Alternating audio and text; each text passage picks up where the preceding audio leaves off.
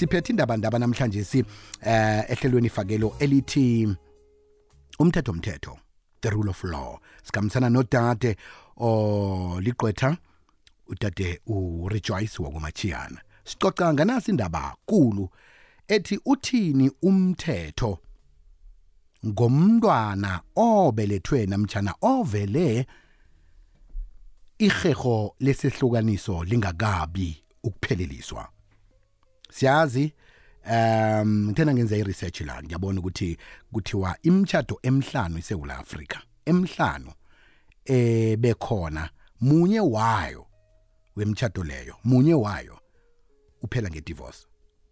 Manje ke siyazi impilo ziyenzeka izinto singasaboni ngelihlo linye sigcine siqunda ukuthi asehlukane.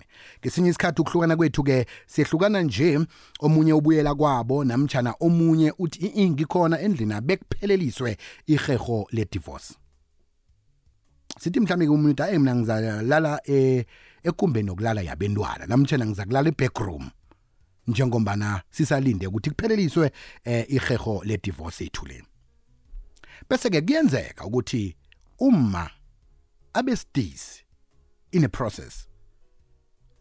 Uthini umthetho ngomntwana ovela iheho le divorce lingakabi ukupheleliswa ngombana ngokomthetho umntwana obelethwa emzini ngwalapho. Ikani utshade nomuntu umntwana oza kubelethwa ngweni nobabili. Ukuthi mhlawumnye ke uma wakhe wakhamba wayokuhlangana nomunye umuntu wembathi ngaphandle eh nakuza nakaza kuba sidisa umntwana lo umthetho wona uthi umntwana obelethelwe emchadweni wakwamasango ngwakwamasango manje ukhona udade uzasisiza ngemva kokuthi sidlule ngapha. Sithokoze khulu kwamambala lihlelo fakelo elithi umthetho umthetho ngaphasi kwehlelo elithi sidishile nokhalini ubiziwe kwamasango. Samukela isithekeli sethu namhlanje si lo chances rejoice Akwande mhathi. ninjani Hawu sivukile singezwa ngakini. hayi yokho into iyatshelela siyathokoza ukuthola ithuba lokuthi sicocisane nawe namhlanje isigodo Okuthokoze thina. sesirejoyce sikhuluma nganasi indaba kulu la kuyabonakala ukuthi iSouth Africa eh ngenye yenarha ezele ngama-divorce ngapha nangapha manje-ke siyazi ukuthi eh nawufake isibawo so sehlukaniso se-divorce ayenzeki overnight. Ithatha isikhathi nisayogidlela namakoto phasi phezulu. Sifuna ukuthola-ke ukuthi uthini umthetho ngomntwana obelethwa namtshana umntwana ovela ine-process ye-divorce? Eh bengithanda ukulochisa abalaleli emakhaya emberegweni emabhasini ekoloyini konke la ikwekwezi FM ifikela khona ne. iye. Yazi isihloko sanamhlanje siqhakatheke kakhulu ngoba kuyenzeka esikhathini esiningi kanjalo. mm. So umthetho esizowubheka umthetho number 1 we in terms of um abantu abashadile there's a presumption yokuthi umntwana njengoba usho umntwana ovele emshadweni kune presumption ukuthi walapho emshadweni Mhm. so u- u- uzothola isibongo sakulelo khaya avelelekilo so uma ke makashadile uphatha isibongo sakhabo baba so umama sekabizwa ngomrs eh, for example mina ngizaba umrs umachiyani iye so umntwana i-home affairs masesibheka umthetho wesi-two i-home affairs ithi automatically umntwana ubamba isibongo sakamama. Now because umama usaphethe isibongo sasemtshadweni sekamphile umntwana isibongo salo baba mara akusubaba wakhona. So yila sekufanele ilungiswe khona-ke ngalo oyibonayo. Ngamanye amagama umama ngathi wo ngiyazi mina ukuthi umntwana akusiwa la ekhaya. So angisambhalisi mina ngesibongo sala ngizohamba ngiyofuna ubaba one. Or number two athule amnike isibongo. Now naloko kunama implications wakhona ukuthi nawo lo mntwana mase sekathola lesibongo sakamachiyane ngathi ungumachiyane angasi umachiyane umachiyane kufanele enze njani? Kukhona naloko ke ngathi mhlambe uzovuma ukuthi si- si- sikungenelele lokho. But kakhulu kwazi ukuthi sibheke i-divorce act i-children's act ne-home affairs. I-home affairs ithi o-applyayo nguye okhona ukukhipha isibongo. So umama automatically ngesibongo sakhe uyakhona ukumkhiphela. Ubaba uba ngabe akusi abashadanga kuyofanele aplayele i-home affairs ukuthi umntwana abize ngesibongo sakhe. But ngoba lo usasebenzisa isibongo sasemshadweni ngomntwana ongasiwa semshadweni sekaphe umntwana isibongo ekungasiso mntwana by implication. So yiloko-ke sekuzongena amasiko-ke ukuthi kuzom-affecta kanjani umntwana or lo baba lo okhala ngalesibongo. Ngamanye amagama if ubaba uyazi ukuthi lo mntana uvele mina nomama singasahlangani so mm. akusumntwanami so ngiyamphika so umthetho ithi he who alleges must prove. Ngamanye amagama umthetho uthi siyamukela ukuthi umntana semshadweni so uma ngabe uyaphikisa letha i-proof and i-proof yomntwana ngamakhotho ithi yenza i-DNA test. So i-DNA because ama-samples yobe siphethe wakamama nobaba azomphikisa ke then azothi akusiwakhe. Then-ke umama uyophindela kusibongo so, so, so, so sakhe esasemshadweni ngoba akakhona umama ukumbhalisa umntwana ngesibonga sakubo ngoba usaphethe i-ID ethi uchadile sasemshadweni. Mm, eh. mm. allo so yila sekufanele ulungise khona ya. Mhm eh chuthi ngokuya ngokomthetho ungubaba wabona ukuthi umntwana lo ayisuye wami wathula. Chuthi uyavuma ukuthi uzomondla umntwana lo? Yebo kakhulukazi ihambisana nesondlo. Ngoba umntwana maka uma ngabe wakho uhambisana neresponsibility yokumaintaina wokumondla. So kose ashese ayiphike and is- isystem ivuma kakhulu masiye kule court yokondla e-maintenance court. Yiko-ke lapho-ke before kukhulunywa ngezimali yila bazokhuluma khona nge-DNA but uma ngabe umama akayifuni i-DNA ubaba-ke yila kufanele khona ambizele privately or angayi-eda as one of ama-reasons for i-divorce. Hmm. Asithi ke basifakile isihlukanisi idivorce eh basaya phasi phezulu namakhotha ayikabu ukuthi iphelele eh abakhulumisana abantu laba. Kodwana ubaba uyahonona uyasola ukuthi awaman. Eh umntwana lo ubelethwe ngalinyanga. Nginonyaka wonke ngingahlangani noma kwami lo.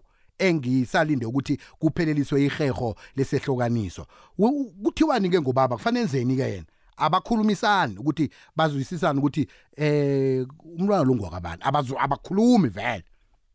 Esikhathini esiningi vele abantu mase sebahlukunisana vele ukhulumo abasakhona i-communication ayisekho. So ubaba number one uphindela kule nkantolo la kungene khona lesihlukaniso Mm. abachazele ukuthi hey ngifuna ukulungisa amaphepha. Bengithe sibanga ukuthi uyangidelela or yena uthe mina ngiyathandana. Nayi iproof entsha.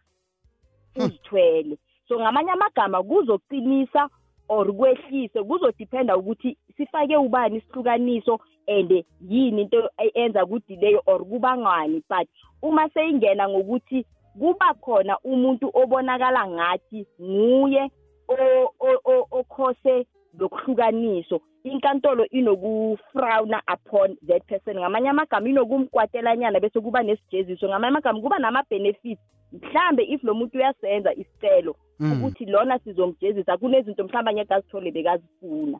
Hmm. Okungaba ne-effect in terms of settlement. So kungenzeka ukuthi mhlambe basahlukanisana basabanga ukuthi indlu khaya kuyosala nobani kuzoyenzakalani mhlawumbe ubaba basho ukuthi awa mina endlini yami angifuni kuhlalele ebhantshi. So kuzoba lento eyifana nalezo-ke that can also have an implication ukuthi besiyoqeda kanjani-ke lesihlukaniso njengoba sekuvela-ke-ke-ke le ndaba engaka. Mhm.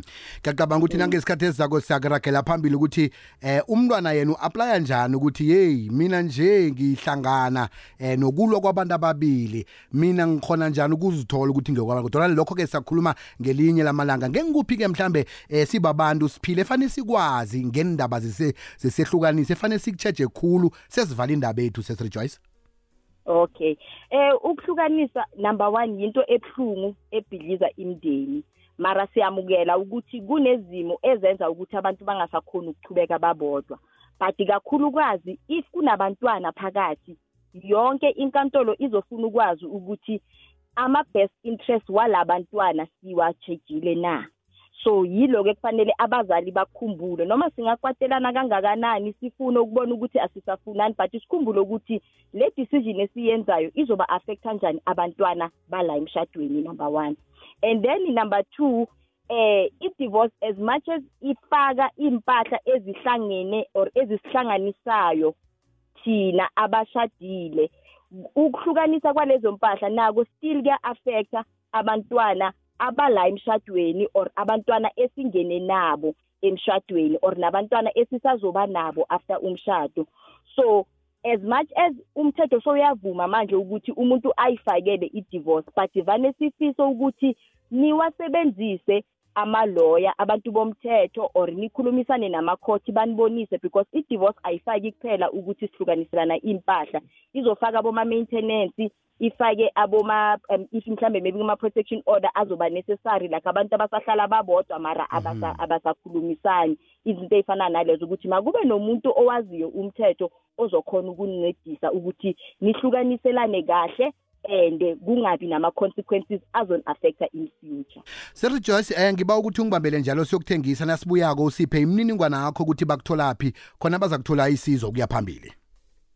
Sisidlo semini siphakelwa nguking b sidishile kukwekwezfm nangembala lihlelo sidishile siqiqada phezu kwehlelo fakelo lithi umthetho mthetho sikhambisana noligqwetha udade usisiri joyce wakwamachiyane sicoca ngendaba yokuthi kwenzekani ngomntwana obelethwe namtshana ovele eh iheho lesehlukaniso lingakabi ukupheleliswa eh ngiyacabanga ukuthi udobhadobhileke lapho eh elwazini asiphelona namhlanje. Si sesijoyce abantu nabanemraro efana naleyo neminye nje imraro ehluka ehlukeneko ehlukahlukileko kulokhu eh banitholaphi nina ukuthi bathole isizwe? Okay, eh mina uma ungangigugula ku Bronchospread Law Chambers kuzovela amagama nezinamba but i-cellphone engisebenzisayo for i-business it's 072 412 3005 ngasibuyelele phone 072 412 3005 ikhona ku WhatsApp and iyangena ke ke uma ufona straight. Sithi Joyce na siyathokoza. Mhlambe kune email address abangakuthola kiyo? I-email address esisebenzisayo it's admin at blawchambers.co.za or bangangithumela futhi ne-personal email ku-rejoice.mashiyane at gmail com. Ngiba siwabuyelela lama email address lawo amabili kodwa bu-admin a d i m at beef l a w c h a m b e r s c co za no rejoice amagama wami r e j o i c e dot mashiyane m a s h i a n e at gmail dot com. Sesirijoyce sithokoze khulu kwamambala ungadinwa ngithi nangomuso nasikubizako siba usabele hawu kuthokoze mina mhathi sithokoze khulu kwamambala besikhulumisana no-rejoyce wakwamachiyana besicoca-ke ngesihloko besisiphethe namhlanje si qobe ngomvulo ehlelweni ifakele lithi umthetho mthetho vane sikhulume-ke ngenhloko ezahlukahlukeneko ezakuphandlulula nawe ezizakusiza nakusasa eh ukuthi uzazi wazi namahlangothi womthetho athize.